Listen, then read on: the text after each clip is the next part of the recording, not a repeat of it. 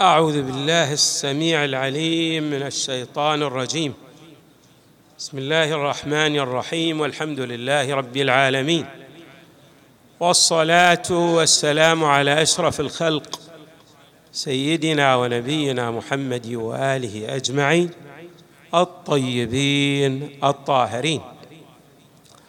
قال الله تعالى في القرآن الكريم وجعلنا منهم أئمة يهدون بأمرنا لما صبروا وكانوا بآياتنا يوقنون. إمامنا الكاظم عليه السلام له أدوار متعددة وفي ميادين شتى. ولعل ولعله لم يمر على إمام من أئمة أهل البيت. صلوات الله وسلامه عليهم أجمعين. ظرف قاس كما مر على الإمام الكاظم عليه السلام من الاضطهاد والسجن والتنكيل بأصحابه.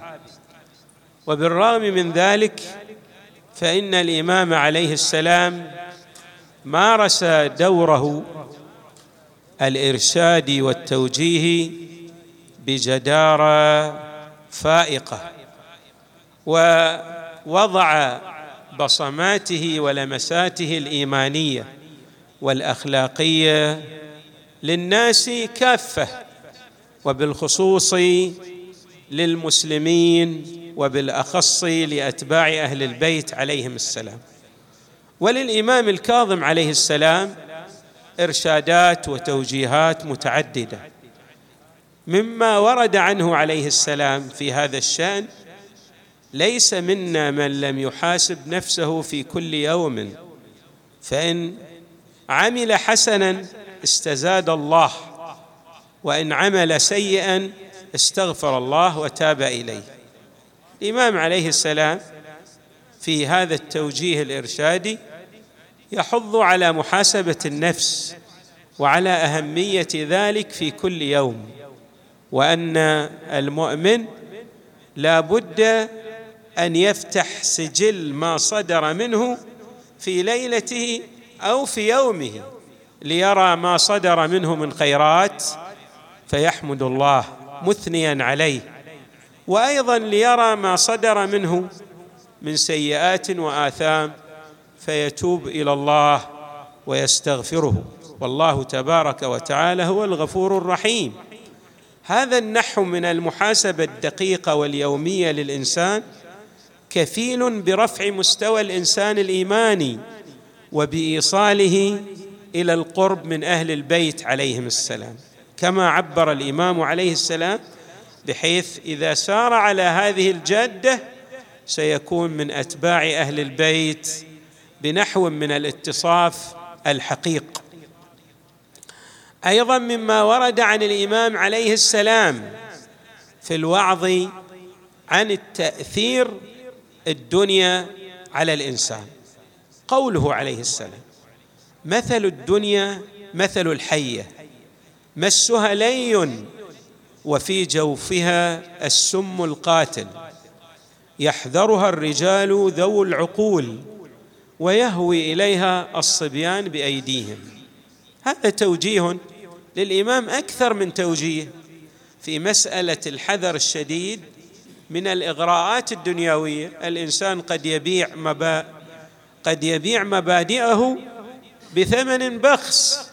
فالإمام عليه السلام يحذر الإنسان من التفريط في مبادئه وأن يتنازل عن ركائزه العقدية بسبب الإغراءات الدنيوية ويقول إن هذه الدنيا لا قيمة لها.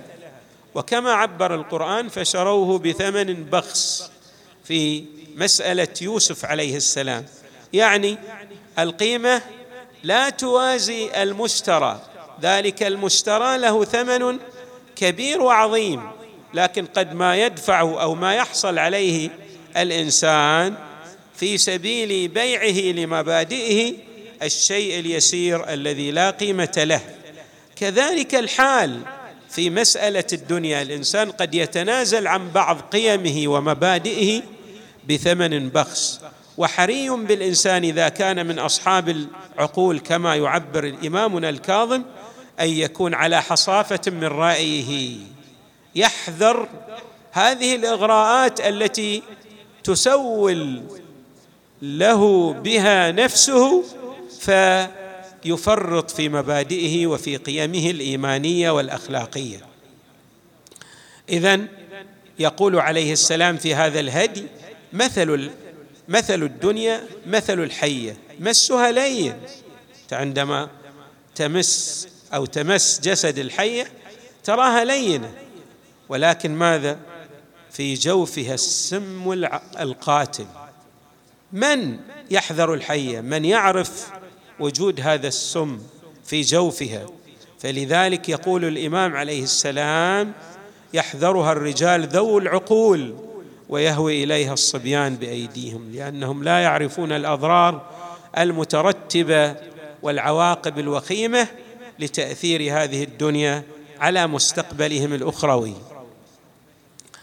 أيضا الإمام عليه السلام ربط الناس كافه بأهل البيت عليهم السلام عبر بعض المبادئ القرآنية والبسيطة الخفيفة على اللسان والثقيلة في الميزان كما يعبر الإمام عليه السلام بنفسه عن ذلك.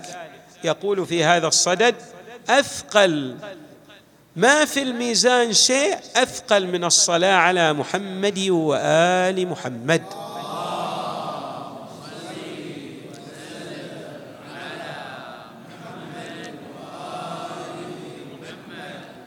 كل إمام من أئمة أهل البيت ربط الناس ربط المؤمنين بصورة خاصة بهم صلوات الله وسلامه عليهم عبر بعض الأذكار.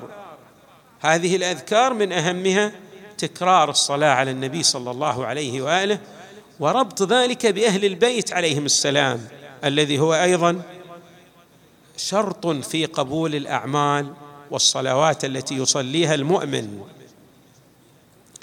أيضا الإمام عليه السلام له توجيه وحري بنا أن نأخذ بهذا التوجيه. وحري بالشباب أيضا في مثل هذه الأوقات أن يأخذوا بهذا التوجيه. الإمام له تقسيم للوقت الذي يمر على الإنسان والكيفية المثلى للاستفادة منه. يقسم الوقت إلى أربعة أقسام. فلنقرأ هذا التقسيم ولنمر عليه بشكل سريع. يقول عليه السلام اجتهدوا في أن يكون زمانكم أربع ساعات. ساعة لمناجاة الله تعالى وساعة لأمر المعاش وساعة لمعاشرة الإخوان الثقات الذين يعرفونكم عيوبكم ويخلصون لكم في الباطن وساعة تخلون فيها للذاتكم في غير محرم. انظروا إلى هذا التقسيم الرائع والجميل والذي يستفيد الإنسان منه في حياتيه الدنيوية والأخروية. الساعة الأولى يعني أن يكون جزء من أوقاتك الساعة يراد بها في الروايات الجزء من الزمن الذي يصرفه الإنسان في مجال من المجالات. وقد ورد هذا التعبير في كثير من الروايات. انظروا هنا تقسيم الوقت إلى أربع ساعات يعني يومك ليلتك. تقسمها إلى أربعة أقسام. القسم الأول فيما يتعلق بالارتباط الوثيق بينك وبين الله تبارك وتعالى. يكون عندك اتصال وثيق من خلال الأدعية المناجات قراءة القرآن. بل يشمل هذا كما يقول بعض العلماء أيضا أعمال الخير التي يؤديها الإنسان في سبيل الله. يعني أن يكون في بعض الأوقات يعمل لله وللدار الآخرة في جزء من وقته. وساعة أيضا يحاول أن يحصل على الكسب الحلال أن يرفع من مستواه الاقتصادي. بل ليس لمستواه لمستواه وحده وإنما لمستوى المجتمع الذي يعيش في كنفه وفي وسطه أيضا. يسهم اسهاما جميلا في هذا المجال. الإمام عليه السلام يقول وساعة لأمر المعاش وساعة أيضا في العلاقات الاجتماعية. الإنسان حري به أن تكون لديه علاقات اجتماعية جميلة يحرص بقدر الإمكان. طبعا لا يستطيع الإنسان أن يكون في التب في كل شيء. هذا من المستحيلات. يعني أن يكون في علاقاته الاجتماعية هو الأول وأيضا أن يكون هو الأول أيضا في المجال الاقتصادي. الإنسان لا بد أن يكون له وسطية في ذلك. اذا الإمام عليه السلام يعبر في هذا المجال وساعة لمعاشرة الإخوان. لا بد أن يكون بينك وبين بعض الناس علاقة وثيقة من الصداقة والحب وتبادل المودة والزيارات وما إلى ذلك. وفي هذه الأيام حتى وسائل التواصل الاجتماعي هي مفيدة في هذا المجال.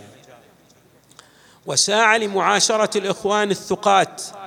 منهم هؤلاء الإخوان الثقات. الإمام يعرفنا بهم. هؤلاء الإمام يعبر عنهم بهكذا. يخلصون لكم في الباطن. هذا يحبك ويريد لك الخير في سريرته وفي باطنه. وساع نعم يخلصون لكم في الباطن. وأيضا هو ثقة كما يعبر الإمام. يعني لا يكذب عليك في أمر من الأمور من أجل مصلحته الشخصية. وساعة تخلون فيها للذاتكم في غير محرم. هنا حري بالإنسان أن يلتفت إلى جانب الترفيه الشخصي. نحن درسنا في الحوزات وجدنا بعض من العلماء الذين تفوقوا في مجالات ولهم إسهامات عديدة. انظروا هؤلاء العلماء لهم نوع من الترفيه. ترفيه جميل جدا حتى أنه يجلس مع بعض تلامذته في جلسات فيها طرائف من الحكم والنكات.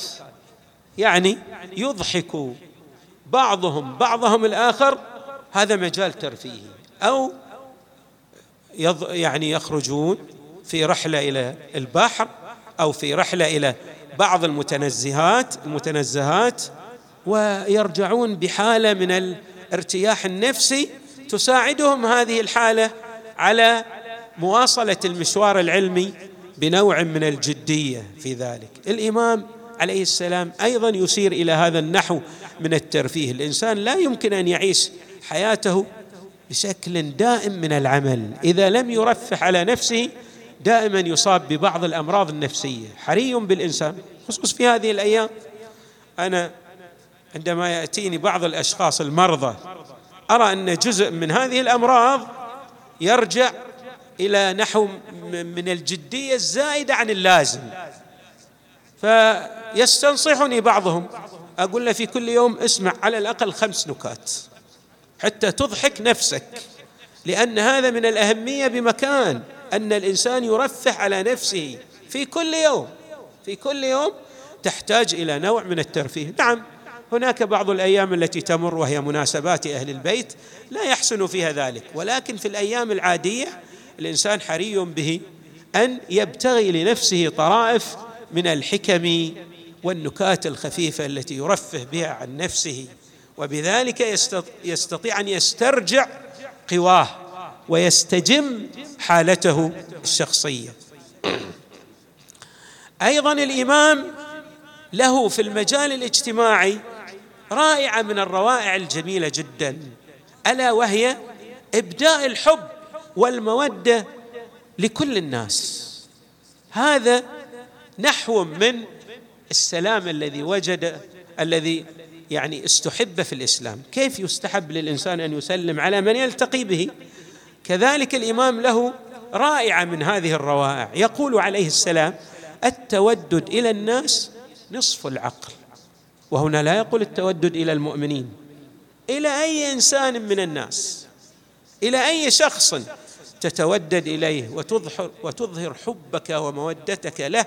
هذا نوع من البناء العقلائي الذي يجعل الإنسان يشترك مع أخيه الإنسان في القواسم المشتركة من الإنسانية وبالتالي يحقق الوئام والسلام الداخلي لنفسه ولغيره من الناس الذين يشتركون معه معه في هذه القواسم الإنسانية. نسأل الله تعالى أن يجعلنا مع إمامنا الكاظم عليه السلام في الدنيا والآخرة ومع آبائه البررة الميامين وأبنائه المنتجبين. والحمد لله رب العالمين. وصلى الله وسلم وزاد وبارك على سيدنا ونبينا محمد وآله أجمعين الطيبين الطاهرين.